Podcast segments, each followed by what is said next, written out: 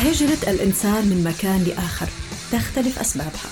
بلدان يهاجر مواطنيها وبلدان أخرى تستقبل مهاجرين وبلد تستقبل وترسل مهاجرين.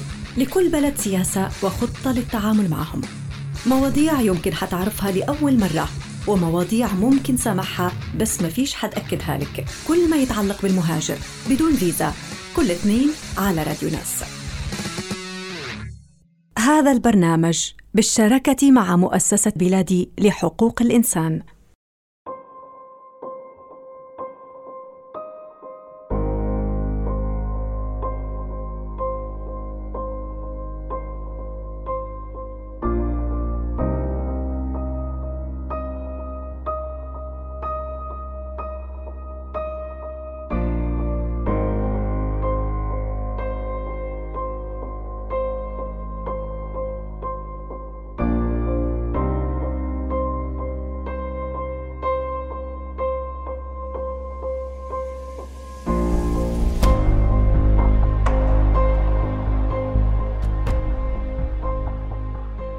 أسعد الله أوقاتكم بكل خير مستمعينا عبر كل منصات راديو ناس 104.5 في الحلقة جديدة من برنامجكم بدون تأشيرة. واللي ما زلنا نتناول فيه أوضاع المهاجرين وطالبي اللجوء في ليبيا.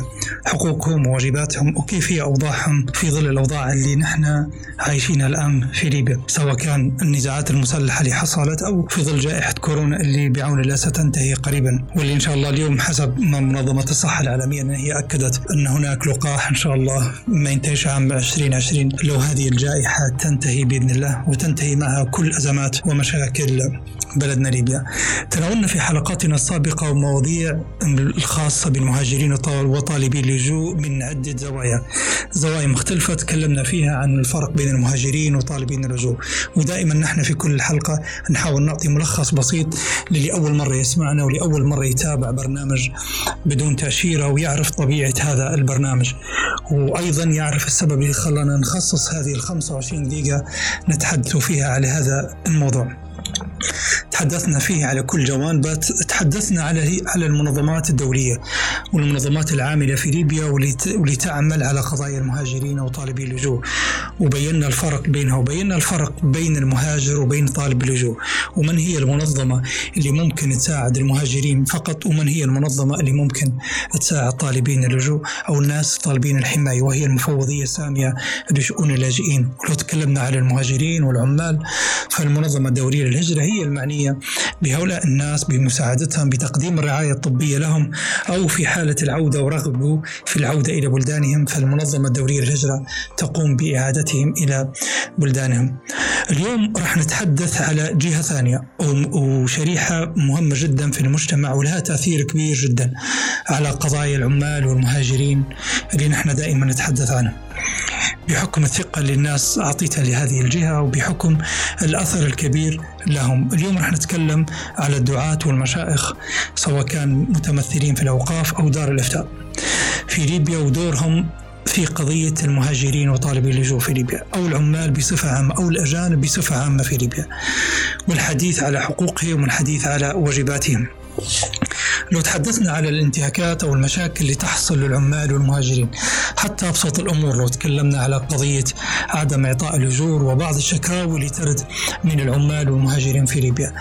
دائما ما كنا نتساءل ودائما ما كنا نسأل آه، وين غياب المنابر في ليبيا اليوم؟ دائما الكل من يتابع في المنابر سواء كان خطب الجمعة البرامج اللي تبث عبر التلفزة في ليبيا وحتى الراديو نفسه. من النادر جدا ما نجد آه، أحد المشايخ أو برنامج تخصص يتحدث للناس ويوصيهم بحقوق العمال وحق الأجير والحامل في, في ليبيا. ويحاول أن يفرق بين من يدخل ليبيا لقضية العمل وبين من يدخل لليبيا من أجل طلب الحماية وهو في الإسلام طلب الجوار. أن الشخص يدخل لليبيا ويكون محتاج إلى إلى حماية مثل ما يخرج الليبي نفسه وخرج في وقت سابق ويخرج الآن ويذهب إلى أوروبا ويذهب إلى حتى تونس أثناء الحرب اللي اللي حصلت في ليبيا في 2011 كثير من العائلات العائلات الليبية دخلت إلى تونس لطلب الحماية بغض النظر عن المدة اللي قضتها قضوها المواطنين في في تونس ولكن دخلوا لطلب الحماية وبالفعل تحصلوا على الحماية. منهم من دخل أكيد بأموالها واستأجر بيت ومنهم كان عاجز عن دفع هذه الأموال ولكن في نهاية المطاف وجدوا أرض تأويهم لفترة معينة ثم رجعوا إلى ديارهم من جديد. فهذا اللي دائما كنا ما نسأل فيه يعني عندما تحدثنا مع كثير من الجهات وتناولت قضية العمال والمهاجرين في ليبيا فقط نجد مثلا أن الأجهزة الأمنية هي اللي تتحدث على هذا الموضوع. سواء تتحدث على تشخيصها وشنو هي المشكلة وأعدادهم ومن هؤلاء الناس أو تتحدث على الجوانب الأمنية في هذا الموضوع سواء كان باحتجازهم أو بإبعادهم من ليبيا. فدائما ما كان هناك يكون هناك تساؤل يعني أين غياب أين دور يعني أين دور الأوقاف ورجال ورجال الدين والمشايخ في هذه في هذه المسألة؟ لهم دور كبير جدا هؤلاء الناس يعيشوا معنا. يعني نحن لو تحدثنا حتى على قضية المساجد نفسها والأماكن مدارس التعليم القرآن والخلوات اللي نتحدث عنها من قام ببنائها ومن قام بتشييدها ومن قام بصيانتها هم العمال والكثير منهم هم من, من المهاجرين. في نفس الوقت يعني هم يت... والكثير منهم هم رواد المساجد. يعني حتى المسجد نفسه الكثير من رواده ومن يصلي فيه ومن يوجد فيه هم من العمال ومن المهاجرين اللي يكونوا موجودين معنا في نفس الحي وفي نفس المنطقة يكونوا موجودين فيها. فتعالت الأصوات الفترة السنوات الماضية خصوصا يعني بعد النزاعات المتكررة في ليبيا والانفلات الأمني الحاصل وكثرة المجموعات المسلحة الخارجة عن القانون. واللي لغاية الآن ما زال ما لهاش رادع رغم كل المحاولات اللي تقوم بها الحكومات ووزارة الداخلية. ولكن مع الأسف الشديد لا زال لغاية الآن هناك مجموعات خارجة عن القانون. هناك بلطجة تحصل من قبل الكثير من هؤلاء المسلحين. ويكون هدفهم يعني الأول والأخير هو تقصد العمال والمهاجرين وتتبعهم. وفي بعض الأحيان آه، يعني بعض الأحيان الدخول عليهم حتى في مساكنهم. يتم الدخول على مساكنهم وهذه شكاوي موثقة وموجودة. وزارة الداخلية نفسها عبر صفحتها الرسمية دائما كل فترة تنزل أو تنشر في في بعض الوقائع وأشخاص تم القبض عليهم قاموا بالاعتداء على بعض المهاجرين والعمال. اليوم بالذات كانت كنا نرى على صفحة وزارة الداخلية كانت تتحدث على القبض على بعض الأشخاص قاموا مع الأسف بالاعتداء على بعض المهاجرين وقاموا بحرق أحدهم آه، وقتله يعني. فقاموا بالقبض عليه بعد التحري والإجراءات اللي قامت بها وزارة الداخلية وهذا شيء مهم جدا يعني لأن هذا من واجب الدولة. قضية حماية العمال والمهاجرين وعائلاتهم. هذا مهم جدا يعني. أولا القانون الليبي ينص على ذلك وتعليم الدين تنص أيضا وتأمر بذلك. وفي نفس الوقت هناك اتفاقيات والتزامات للدولة الليبية حثتها وأمرتها على أن هي يعني آه، تلتزم بحماية العمال والمهاجرين وعائلاتهم داخل ليبيا. وهذا اللي نحن دائما نتمناه. ولكن اليوم نحن نحاول بنسلط الضوء على قضية المنابر ورجال الدين والمشايخ. بصفة عامة في ليبيا التقصير كان واضح جدا ومع الأسف نحن نقول أنه هو تقصير يعني. ولكن هو في بعض الأحيان يكون سهو من بعض المشايخ لأن بحكم انشغالهم بقضايا أكبر. هو ممكن الأحداث اللي حصلت في البلد تجعل منه أنه هو يرى أن عنده أولويات في الحديث سواء كان في حديث على قضية السلم الاجتماعي والحديث عن الصلح والحديث عن الحرب والقضايا اللي كلنا نسمعه. ولكن عندما يصل الأمر إلى الاعتداء على أرواح ناس وسلب أموالهم وقتلهم في النهاية هؤلاء بشر وناس يعيشوا عندك في نفس البلد. إذا من المهم من المهم أن يتم تخصيص وقت ويتم تخصيص مساحة للحديث على هؤلاء الناس للحديث على قضيتهم يعني. كانت هناك مبادرة قاموا بها بعض النشطاء ومؤسسات المجتمع المدني الليبي في مدن الجبل آه، جبل نفوسة وتحدثوا مع بعض القيمين على المساجد وبعض والمسؤولين على الأوقاف والبلدي في منطقة الحربة. فكانت مبادرة رائعة جدا وكانت هناك جلسة يعني تم تصميم شيء اسمه صالون ثقافي. وهذا الصالون كان بداياته يتحدث مع المشايخ والمسؤولين على المنابر في عدة مدن ليبية. البعض مع الأسف امتنع عن الحديث آه، لما عندما عرضنا عليه هذه الفكرة امتنع عن الحديث عن هذه الموضوع خصوصا أنه أو لربما هو رأى أن هذا الموضوع له علاقة بفتاوى وأمور شرعية. رغم أن محاورنا كانت واضحة جدا المحاور كانت تتحدث عن عن حق حق اللجوء وحق الجوار في الإسلام. عابر السبيل من هو عابر السبيل؟ إيش حقوق عابر السبيل في في ليبيا؟ وكيف دور الأوقاف؟ ودور المنابر في الحث الناس على الاهتمام بهؤلاء بهؤلاء بهذه الشريحة يعني. البعض مع الأسف إنه اعتذر البعض كان اعتذاره غير مفهوم. ليش؟ إنه اعتذر وإنه يأتي في يتقابل معنا عبر جلسة حوارية أو يتم تسجيل حلقة معه ولكن الكثير وافق على الحديث والآن سعيين في هذه الجلسات. وإن شاء الله راح يكون لدينا حلقات نتحدث فيها على نتائج هذه الجلسات الحوارية اللي حصلت. وكذلك من هم ضيوفنا طبعا إذا هم وافقوا وما عندهم مانع للحديث عن هذا الموضوع. وممكن إن شاء الله يكون لنا حلقة نستضيف فيها هؤلاء الناس. الخطاب الديني كان مهم جدا وكان أحد المحاور اللي نحن حاولنا نتكلم فيها. يعني كثير من من من الأصوات اللي تتحدث تتحدث على أو تناولت قضية المهاجرين وقضية من يدخل إلى ليبيا مثلا. من يدخل إلى ليبيا حتى من غير يعني بدون أوراق أو يكون مجهول الهوية. مع الأسف حصل آه، في في الفترات السابقة خصوصا عندما يكون هناك آه، يتم غرق مركب وتخرج بعض الجثامين في البحر ويتم إخراجهم يعني بعض الجثث ونحن كنا شهود على ذلك خصوصا يعني في بعض المناطق مثل مدينة صبراتا يعني كانت الجثث تبقى إلى أكثر من شهر أكثر من شهر كامل وجثامين مرمية على شواطئ البحر. فكان هناك أمر مستغرب يعني في بداية الأمر يعني لو تأخر نقل هذه الجثامين لساعات ليوم ممكن نعذر الجهات المعنية والهلال الأحمر اللي كان موجود لعدم وجود إمكانيات. رغم أن الهلال الأحمر يعني هذا يعني هي جمعية ومش من مهامها الأساسية. ومش ملزمة أن هي تتكفل بهذا الموضوع. هذا شغل الدولة وشغل الجهات المعنية والبلدي ويجب أن هو اللي يشرف على مثل هذه الأمور وهذا أمر إنساني. عندما تكون هناك جثامين موجودة على البحر فيجب إنقاذها بسرعة. للأمانة في غالبية الحالات في غالبية الحالات خصوصا الفترة الأخيرة كان يتم إخراجها ونقلها سواء كان من الهلال الأحمر وهم مشكورين جمعية الهلال الأحمر. مش راح نوفوهم يعني كلمات الشكر على الجهود اللي تبذل خصوصا في بعض المناطق يعني. وفي بعض الأحيان يكون هناك المواطنين هم من يقوموا بإخراج هذه الجثامين ولكن الحديث على ما بعد هذه المرحلة. يعني بعد الإنقاذ أو بعد إخراجهم من البحر كيف هي الخطوة الثانية؟ مع الأسف لغاية الآن لا يوجد خطة واضحة يعني آه، تقوم بها خطوات واضحة تقوم بها السلطات المحلية خلينا نقول في المدن اللي تخرج فيها هذه الجثامين سواء كان بإخراجهم بنقلهم بأخذ عينات منهم ثم نقلهم ودفنهم يعني إذا كان لديهم أهل وذويهم فمن المهم أن يتم إبلاغهم وإذا كانوا مجهول هذه الجثامين مجهولة الهوية إذا من المهم أن يتم دفنها بعد أخذ العينات ولكن مع الأسف في بعض الأحيان يتم دفن هذه الجثامين آه، في دفعة واحدة ولا يتم أخذ العينات.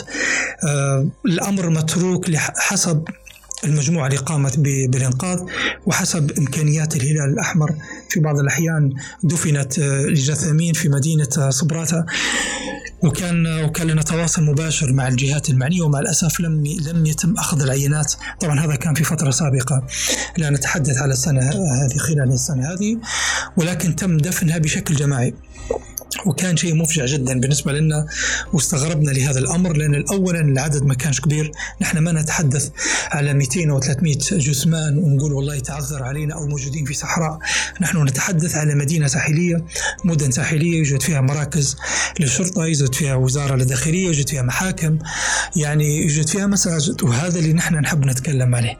تحدثنا طبعا في هذه المسألة ولا نعتقد أن هي تكررت هذه الحادثة من جديد ولكن توقفنا عند هذا الأمر. توقفنا عند وجود مساجد وأوقاف وخطب جمعة. كل يوم نسمع في خطب جمعة موجودة.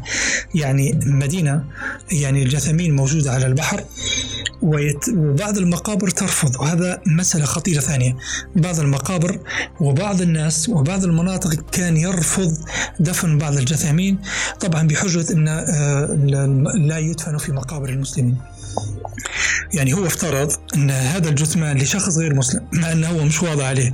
نحن لا يوجد فينا شخص مكتوب عليه أنه هو مسلم وغير مسلم يعني أو هو من أي قبيلة. هو مجرد ما يموت الإنسان كلنا ال ال ال هذه الألوان ألوان الناس اللي, اللي تخرج آه، كثير منها في ليبيا. يعني ليبيا بلد غالبية يعني غالبية سكانها هم يعني سكانها خليط. يعني سود البشرة يعني تتراوح بين الأسود وبين الأبيض وبين وبين الوسط. يعني بين الأسود وبين الابيض يعني فمش غريب لما نجد جثامين لبعض الأشخاص هم سود البشرة على البحر. فمش مهم إن أو ليش الافتراض إن هذا الشخص ممكن يكون من دولة غير ما فيهاش مسلمين وهو يكون غير مسلم. طبعا مش راح ندخل في جدل نحن ولسنا متخصصين في قضية مثل هذه القضايا وقضية هل يدفن المسلم وغير المسلم.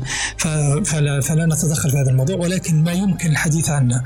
وما يمكن التأكيد عليه أن الأمر إنساني وأن الأمر ملزم من ناحيه القانون ومن جميع النواحي حتى من الناحية الشرعية نفسها.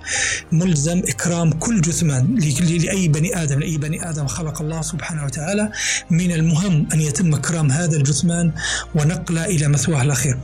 فهذا فمهما كان مهما كان الإنسان سيء في الدنيا فنحن إشكالنا دائما مع النفس ومع الشر اللي داخل هذا النفس. فمجرد ما تخرج هذه الروح اذا ما عندنا مشكلة نحن مع هذا الجثمان يعني فيفترض يفترض اكرامه ونقله إلى مثواه الأخير. مثواه الأخير أنتم رافضين انه يكون فقط كل من يدفن في هذه المقبرة فقط يكون يعني أنتم تشهدون له بالإسلام؟ هذا أمر آه، جيد. اذا يجب أن يتم الاتفاق مع البلديات خصوصا أنا أوجه هنا خطابي وحديثي مع المجالس البلدية. فيجب أن يكون الأمر واضح جدا يا إما تخصيص مقابر واضحة تكون لمجهولة الهوية أو للناس اللي غير معروفين أو يتم الإعلان عن مقابر معينة. لأن في بعض المقابر تسمح. ما عندهاش إشكال في هذا الموضوع. فنعتقد أن يجب التنسيق في هذه المسألة ويعني يكون واضح في كل بلدية أن هناك مقابر تسمح بدفن أي جثة أو أي جثمان مجهول مجهول الهوية وينقل إلى هذا المكان. هذه المواقف وغيرها واللي مش راح يعني نكثر الحديث في فيها. بحكم إن وقتنا محدود ولكن حبيت فقط أن نعطي بعض الأمثلة على المشاكل الحاصلة. لربما تكون غائبة على الكثير من الناس غائبة على الناس اللي في المسؤولين سواء كان في الجهات المحلية أو حتى على المستويات العالية سواء كان في وزارة الداخلية وغيرها. هناك مشكلة حقيقية هناك مشكلة مجتمعية موجودة فيجب النظر فيها ويجب الحديث فيها. طبعا نحن كلامنا هذا ليس إلزام. لا يعني حديثنا أو مطالباتنا نحن نفرض والله لا. يا جماعة الأوقاف ولا الناس اللي أنتم موجودين على المنابر من المهم أنكم أنتم تسمحوا بدفن هؤلاء الناس أو تطالبوا ب يعني بإعطائهم حقوقهم سواء كان يعني حتى بعد خرجت أرواحهم. ولكن فقط نحن نشخص الحالة ونقول لكم أن لديكم مشكلة. لديكم مشكلة أن هذا المنظر غير إنساني وغير أخلاقي ولا نعتقد أنه لو يدخل شخص غريب لهذا البلد ويعرف أن ويشاهد كمية هذه المساجد ويشاهد كمية هذه البرامج اللي تتحدث على النصح وعلى الإرشاد وعلى الدين وعلى الرأفة. ويجد أمام هذه الجثامين مربية على البحر. نعتقد أنه راح يعطي انطباع سيء. يعني راح يعطي انطباع مش راح نكون نحن راضيين عليه هذا الانطباع ولربما يزعجنا هذا الانطباع. ولهذا الأمر نحن دائما نطالب يعني بعد هذه الشواهد اللي تكلمنا عليها والأمثلة اللي ضربناها. فنحن نتمنى أن يكون هناك فعلا يعني وقفة جادة والحديث عن مثل هذه المواضيع بأكثر وضوح، مش مهم انه يتم الحديث عنها الآن يعني بشكل علني وفي الإعلام ولكن حتى فيما بينهم هم يحسموا هذه المسائل وتترجم زي ما قلنا في أرض الواقع، يعني في خطوات عملية. يعني طلب اللجوء أو طلب الجوار في الإسلام كان معروف يعني في الإسلام حتى قبل يعني في أيام الجاهليه كان يأتي طالب الحماية فكان في ذاك الوقت حتى من العيب والعار أن يتم رده أو يتم خذلانة وعدم الاهتمام به. قبل ما يتعرفوا عليه ولا هو من أساسا يعني. يعني هناك فئة من الناس من المهم أن يكون دورها مساعدة هؤلاء الناس. وهذا يعني طبعا آه، البعض يقول لك يعني الآن الواقع اللي نحن نعيشه فيه الآن يقول لك بمعنى والله آه، مش يعني مش من المعقول إن البلد تقعد مفتوحة ويدخل علينا بين قوسين طبعا من هب ودب ويدخل هؤلاء الناس وممكن فيهم مجرمين وممكن يكون فيهم ناس متسللين والأمر لا علاقة بالأمن القومي وكذا وغيره من هذه المسائل. أكيد. نحن تكلمنا أن الجي كل جهة ولها تخصصها. الجهات المعنية بحماية الدولة ومراقبتها ومراقبة من هم المفسدين ومن هم المجرمين بطبيعة الحال هذا دورهم يختلف ونحن لا نتحدث عنهم الآن. وحتى لو كان لن يعني عندنا ملاحظات أو حديث يكون من جانب الاتفاقيات من جانب القوانين واللوائح اللي هي ملتزمة بها أو سنتها التشريعات الليبية أو الاتفاقيات اللي صادقت عليها الدولة الليبية. حديثنا الآن عن شريحة أخرى من الناس وظيفتها تختلف تماما عن عن غيرهم يعني. وظيفتها أن هي يعني تراعي أن تطالب بحقوقهم أن تحث الناس على الاهتمام بهم. في قضية الصدقات في قضية إعطائهم يعني يعني على الأقل الجياع منهم. يعني الكثير من المهاجرين والعمال خصوصا بعد النزاع والحرب اللي حصلت الكثير منهم كانوا في مساكن جياع. يعني بعض المؤسسات المجتمع المدني وبعض النشطاء هم من كان يدفع في الأموال ويقدم فيها لهؤلاء الناس. أكيد نحن نعرف أن في المواسم بعض يعني بعض المساجد وغيرها كانت تقوم بتوزيع بعض المساعدات على الفقراء ولكن مع الأسف وحتى نكون واضحين الكثير منهم كان يرفض إعطاء المساعدات إلا للليبيين مثلا أو كما هو يعني يرى أن يجب أن تعطى فقط للمسلمين. ولا يستطيع طبعا يعطيها لمجهول. طبعا هنا بنعاود لنفس المشكلة. مشكلة أن إعطاء الطعام مثلا سكن معين يعيش فيه 200 شخص.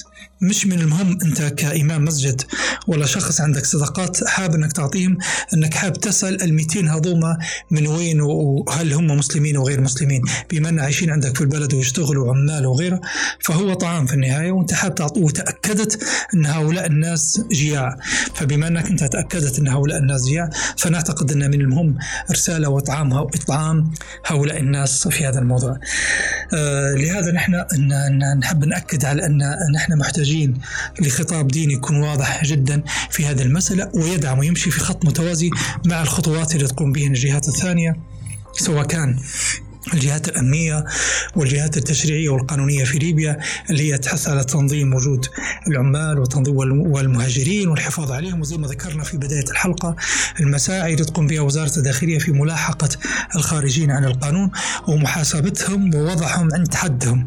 يعني خصوصا بعد تكررت الاعتداءات والمشاكل يقوم بها على المهاجرين وطالبين اللجوء ابتداء من يعني من احتجازهم ومن من متاجرة بهم وإرغامهم على دفع الأموال الأموال حتى في سواء كان في بوعودهم أنهم بيخرجوهم إلى أوروبا أو مجرد يعني الكثير منهم كان يحتجز يعني شهادات المهاجرين اللي يتحدثوا عنها سواء كان داخل ليبيا أو حتى بعد خروجهم من ليبيا كانوا يتحدثوا على عصابات ومجموعات كانت تجبرهم على دفع الأموال يعني مقابل انه هو يترك ينتقل للمدينة الثانية. يعني هو من الكفره مثلا أو من سبها فيؤخذ منه الأموال حتى ينتقل إلى بني وليد. فعندما يصل إلى بني وليد يتم احتجازه مرة ثانية ويطلب منه الأموال حتى يصل إلى صبراته وزواره أو أو باقي المناطق ونفس الحال في الصحراء الليبية المصرية فمجرد دخوله إلى مساعد يتم احتجازها في مخازن ويشرف عليها معروف هذه المسألة تشرف عليها مهاجرين يعني حتى من مصر نفسها وناس خارجة عن القانون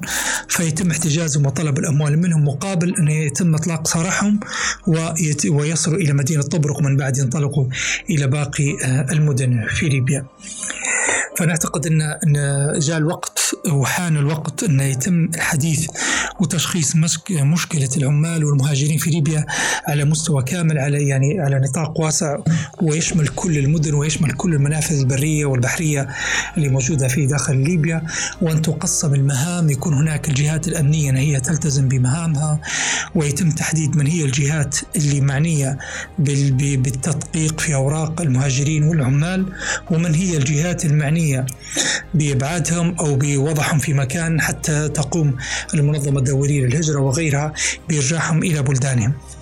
هذا في حال كانوا هم من المهاجرين وكانوا هم من الناس اللي دخلوا ليبيا بدون أوراق وحابين من بعد يرجعوا إلى بلدانهم وإذ كانوا من الناس اللي طالبين الحماية والمعنية بهم المفوضية السامية لشؤون اللاجئين نعتقد أن من المهم أيضا تسهيل عمل المفوضية داخل ليبيا بحكم إن هي موجودة والدولة الليبيه سمحت لها إن هي تقيم مكاتبها في في ليبيا. اذا من المهم إن نحن نكملوا هذا هذا هذا المشوار معهم وحتى ينتقلوا إلى بلد ثالث. المفوضية وعملها داخل ليبيا ابدا ما كان من أجل توطينهم داخل ليبيا عبارة عن تسجيلهم ثم نقلهم إلى بلدان بلدان ثانية وهذا اللي يفترض أن الدولة الليبية تحث بقية الدول العالم أن هي تسرع في نقل هؤلاء الناس وإخراجهم من ليبيا إلى بلد ثالث يحميهم بحكم أن ليبيا بلد غير قادر أن هو يستقبلهم وغير قادر أن هو يعطيهم يمنحهم اللجوء خصوصا كل هذا العدد الموجود الآن داخل داخل ليبيا. نحن نتمنى ان أن سواء كان المشايخ ولا الدعاة والناس اللي يستمعوا لنا الآن أن نجدوا رحابة الصدر لديهم وأنهم هم يعني يتقبلوا الحديث معنا وحتى حتى عندهم. يعني مش شرط انه يكون مع وسائل الإعلام ولا مع منظمات حقوقية أو مع النشطاء ولكن نعتقد أن هم آه، مش خفي عليهم الوضع الموجود الآن. ونحن مستعدين لتزويدهم آه، مستعدين لتزويدهم آه، مستعدين لتزويدهم بكل يعني ما يلزم من آه، في اللي حاصل الآن في ليبيا. فهذا أمر مهم جدا. وأخيرا طبعا نحب نختم بحكم ان وقتنا ضيق الآن. إن الوضع إن الوضع مع الأسف لا يوجد إنسان يعني ما فيش أي إنسان على وجه الأرض يأمن على نفسه ولا على أهله ولا على حياته إن هي تسير كيف ما هو يحب. وعمر الإنسان ما اختار حياته. وعمر الإنسان ما اختار أنه هو يكون مهاجر. وعمر الإنسان ما اختار لنفسه أنه هو والله يكون يكون طالب لجوء. يعني عمر الإنسان ما اختار آه، لنفسه أنه هو يكون مهاجر ولا هو يكون آه، طالب لجوء. مع الأسف الشديد آه، الأقدار وشرور الناس والأزمات اللي تحصل من البشر أنفسهم هي اللي كانت سبب هي اللي كانت سبب فإنها تجبرهم على الخروج. مثل ما أجبرتنا في يوم من الأيام ولا زالت مع الأسف أن هي تجبر الكثير من العائلات الليبية الآن اللي تخرج في البحر وتخرج بطرق غير قانونية وتخرج بطرق غير قانونية فأجبرتها على الخروج وركوب البحر. فنعتقد أن آه، علينا أن نحن نكون أكثر يعني آه، شعور بهؤلاء الناس. وأكثر إنسانية ونحس بغيرنا. وما زلنا نأكد وعلى نقطة مهمة جدا هذا لا يعني أن نحن نفتح الأبواب للكل وهذا لا يعني أن نحن نضرب بعرض الحائط سواء كان القوانين واللوائح اللي تنظم الحياة داخل ليبيا ولكن لا يوجد شيء غير قابل للتعديل. حتى القوانين والتشريعات ممكن يتم تعديلها ومواءمتها بما يتناسب مع ما يعني نحن صادقنا ووافقنا عليه مع الدول العالم أو مع يتوافق مع تشريعاتنا وتوصيات الإسلام وديننا الحنيف. في دقائق الأخيرة. طبعا أكيد راح يكون لنا موعد بإذن الله لو كان في العمر بقية في الحلقات القادمة. وإن شاء الله راح نتحدث معكم على بقية الجلسات الحوارية اللي نحن وعدناكم بدأنا فيها والصالون الثقافي لمع الأوقاف ورجال الدين في المساجد ورواد ورواد المساجد أيضا. وإن شاء الله راح نتكلم معكم على النتائج وعلى التوصيات اللي وردت فيها. وفي ختام الحلقة نستودعكم الله الذي لا تضيع ودائعه والسلام عليكم.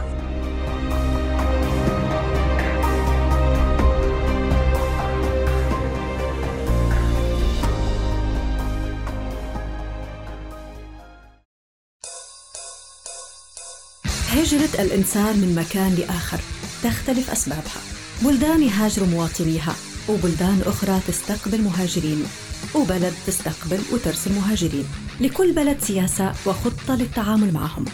مواضيع يمكن حتعرفها لأول مرة ومواضيع ممكن سامحها بس ما فيش حد أكدها لك. كل ما يتعلق بالمهاجر بدون فيزا. كل اثنين على راديو ناس. هذا البرنامج بالشراكة مع مؤسسة بلادي لحقوق الإنسان.